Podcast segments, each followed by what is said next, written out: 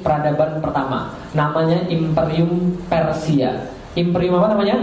Persia. Imperium Persia ini termasuk imperium tertua dan pernah menguasai dunia termasuk Timur Tengah dengan kekuasaan yang terbentang dari timur sampai ke barat 7,4 juta kilometer persegi. Berapa luasnya? 7,4 juta kilometer persegi. Itu luas atau enggak? Oke, luasnya kayak apa? Indonesia luas nggak Sabang sampai Merauke? Siapa pernah naik pesawat dari Aceh sampai ke Papua? Pernah? Jakarta sampai Papua belum? Berapa jam kira-kira Jakarta sampai Papua? 5 jam. Aceh ke Jakarta 3 jam. Berarti Aceh sampai ke Papua kalau naik pesawat 6 sampai 7 jam. Luasnya luar biasa. Indonesia doang. Itu pun luasnya cuma 2 juta kilometer persegi kurang. Lah ini luasnya Persia berapa banyak ini?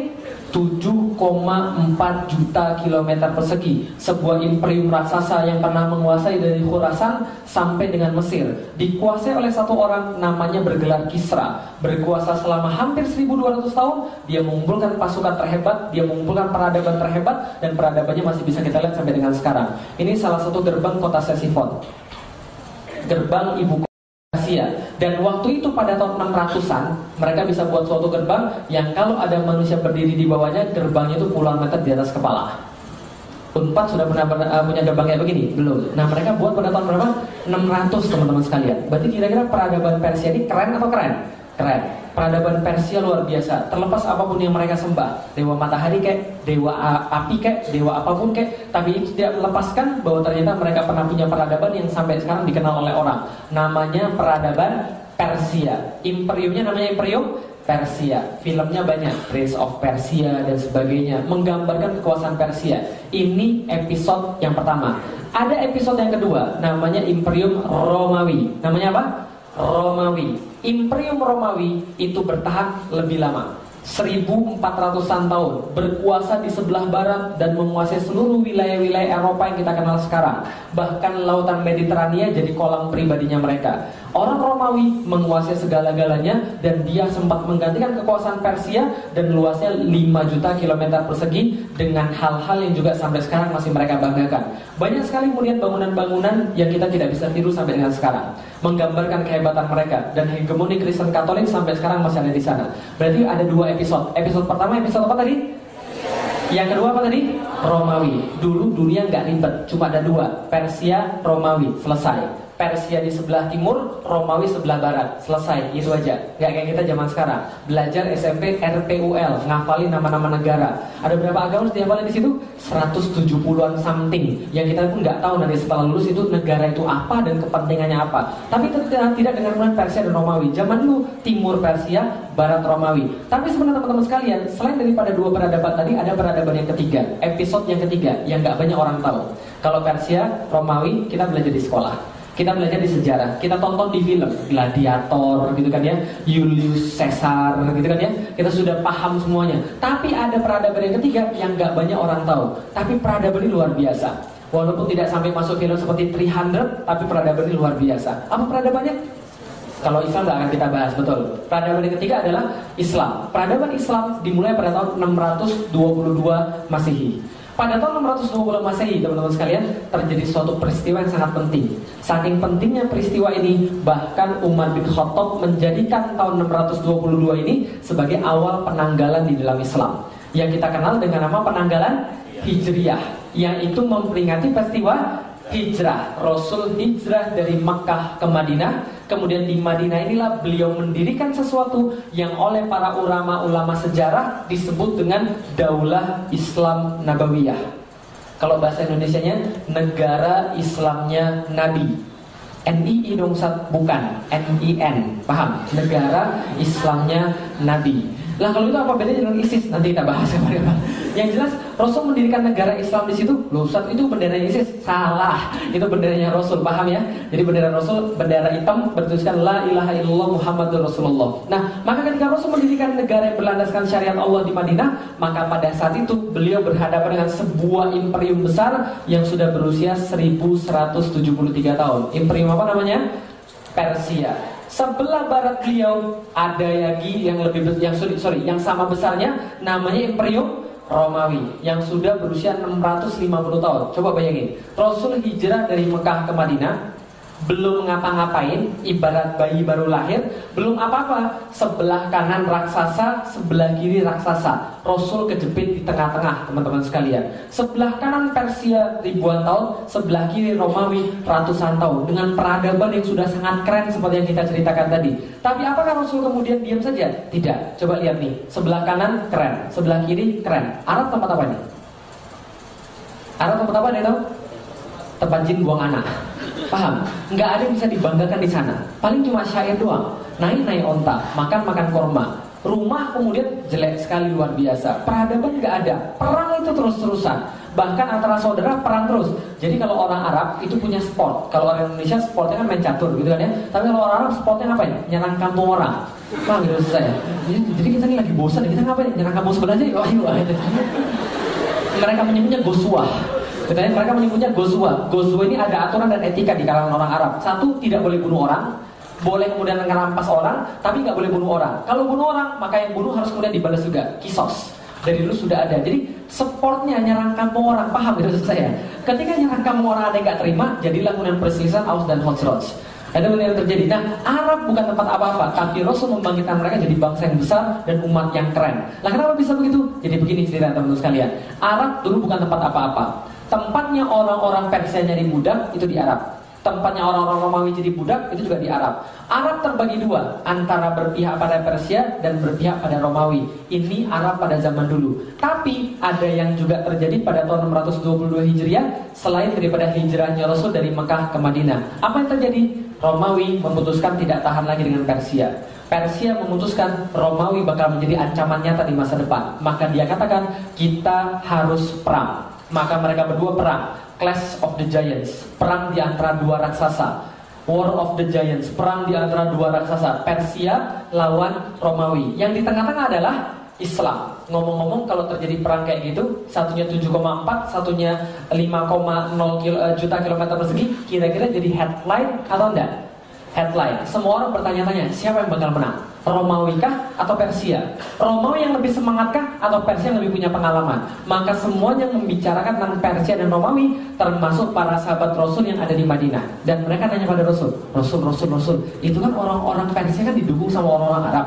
Quraisy nih. Sementara orang-orang Romawi didukung oleh para rohaniwan, orang-orang Kristen. Kalau kita dukung siapa? Persia atau Romawi?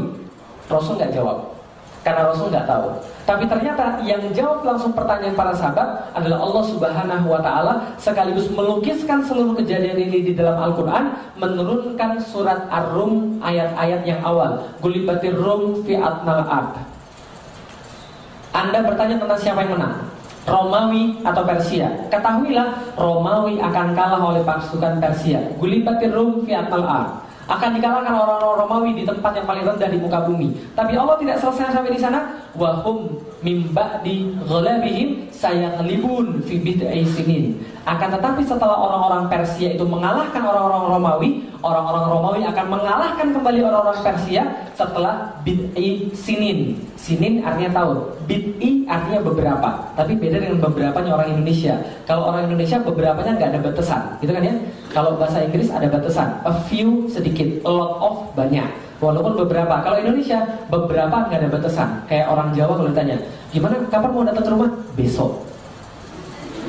Besok itu bisa jadi besok hari, bisa jadi lusa, bisa jadi minggu depan, bisa jadi tahun depan. Gak ada yang tahu. Tapi kalau dalam bahasa Arab, bid'ai ini adalah hitungan yang cuma bisa dihitung dengan dua tangan.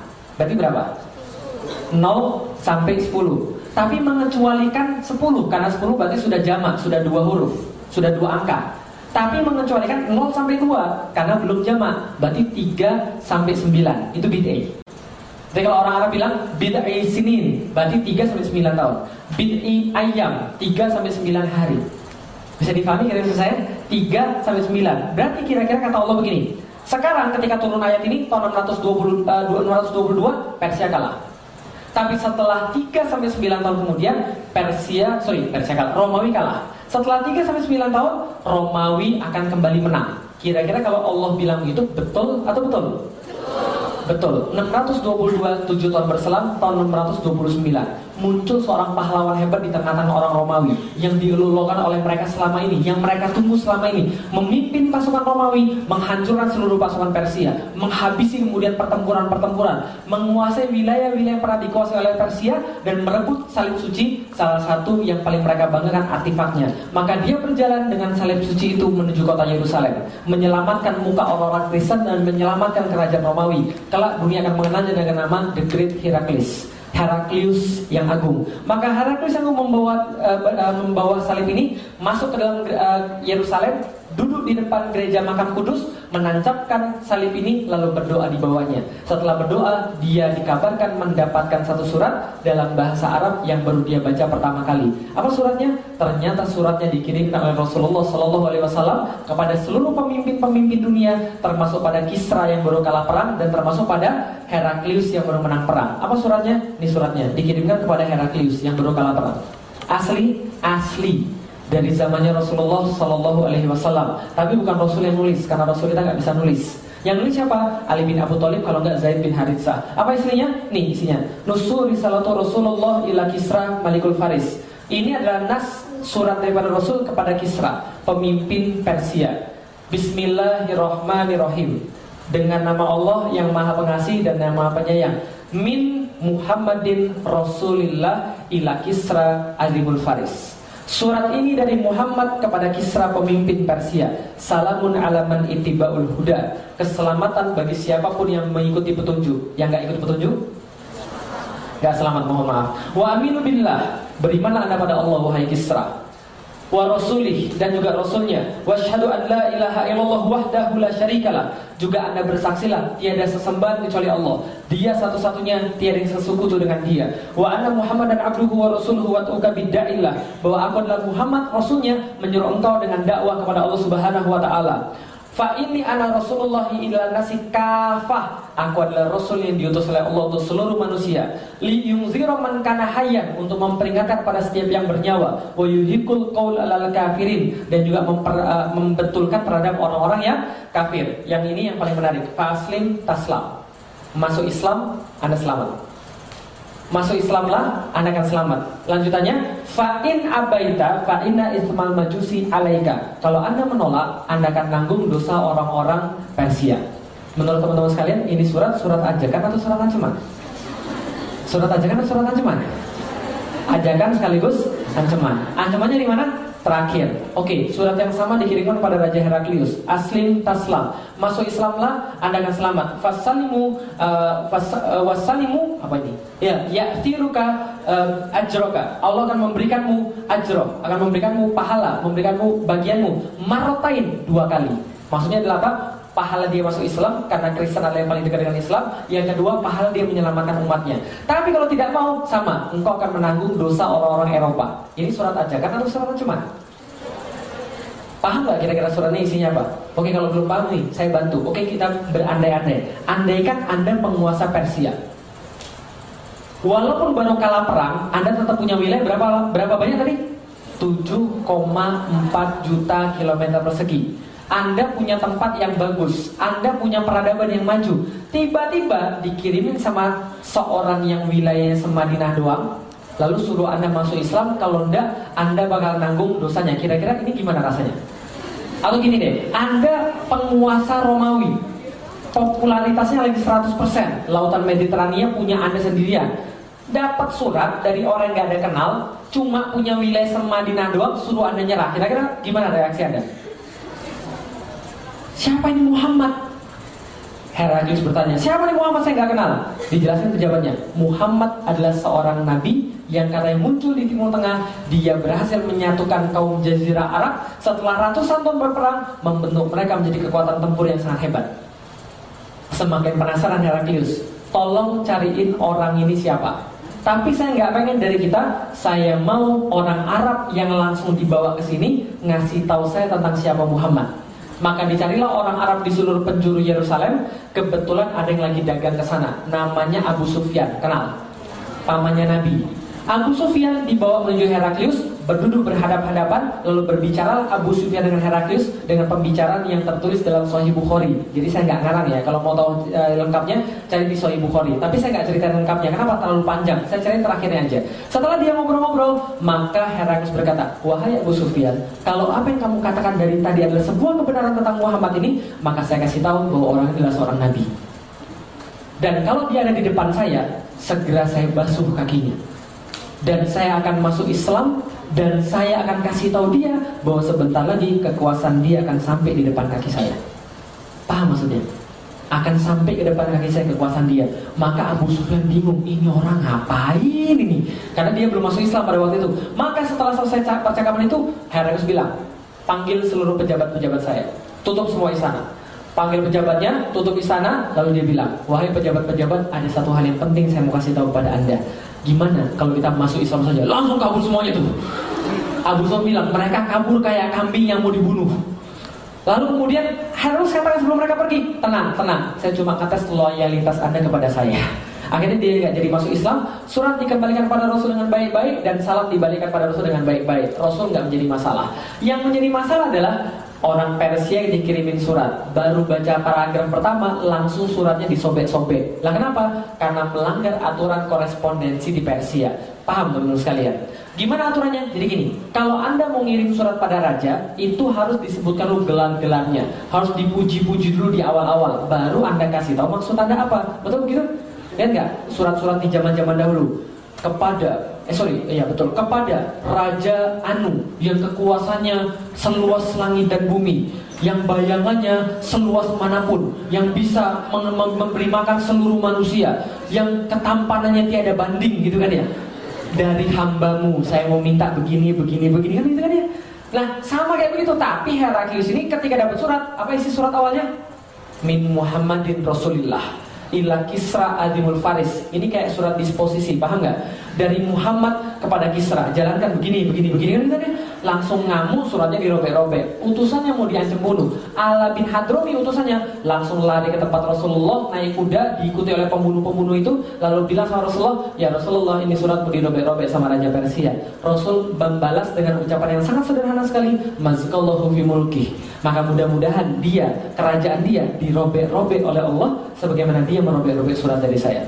Kalau Rasul sudah bilang begitu, betul atau betul? Ngomong-ngomong teman-teman sekalian, surat ini dikirim pada tahun 629. Belum genap 30 tahun, belum lagi 660 Masehi, belum genap 30 tahun, seluruh wilayah Persia yang menurut orang nggak mungkin terkalahkan, 7,4 juta kilometer persegi habis di tangan dua orang pemuda Islam. Khalid bin Walid, Sa'ad bin Abi Waqqas. Ngeri nggak coba? 7,4 juta kilometer persegi. Dirobek-robek Allah, masuk dalam wilayah Islam. Wilayah Islam pertama 7,4 juta kilometer persegi. Di tangan Khalid bin Walid, Persia takluk, Syam takluk. Di tangan satu orang namanya Khalid bin Walid. Ketika kemudian Khalid bin Walid selesai menaklukkan, beliau wafat, penaklukannya dibawa oleh Muhammad Al-Fatih sampai 1453, menaklukkan kota Konstantinopel, Romawi tamat. 800 tahun kemudian, maka wilayah Islam yang kita bicarakan dulu adalah seperti ini lebih daripada 20 juta kilometer persegi semuanya dalam kepemimpinan yang satu dengan bendera yang satu dengan satu pemimpin namanya khalifah dengan satu wilayah namanya khilafah. Pada saat itu teman-teman sekalian wilayahnya luas luar biasa bertahan hampir 1300 tahun dan pada waktu itu Islam benar-benar nyata menjadi kekuatan di dunia. Lah kenapa? pada saat itu teman-teman sekalian ketika orang berbicara tentang Islam orang berbicara tentang kehebatan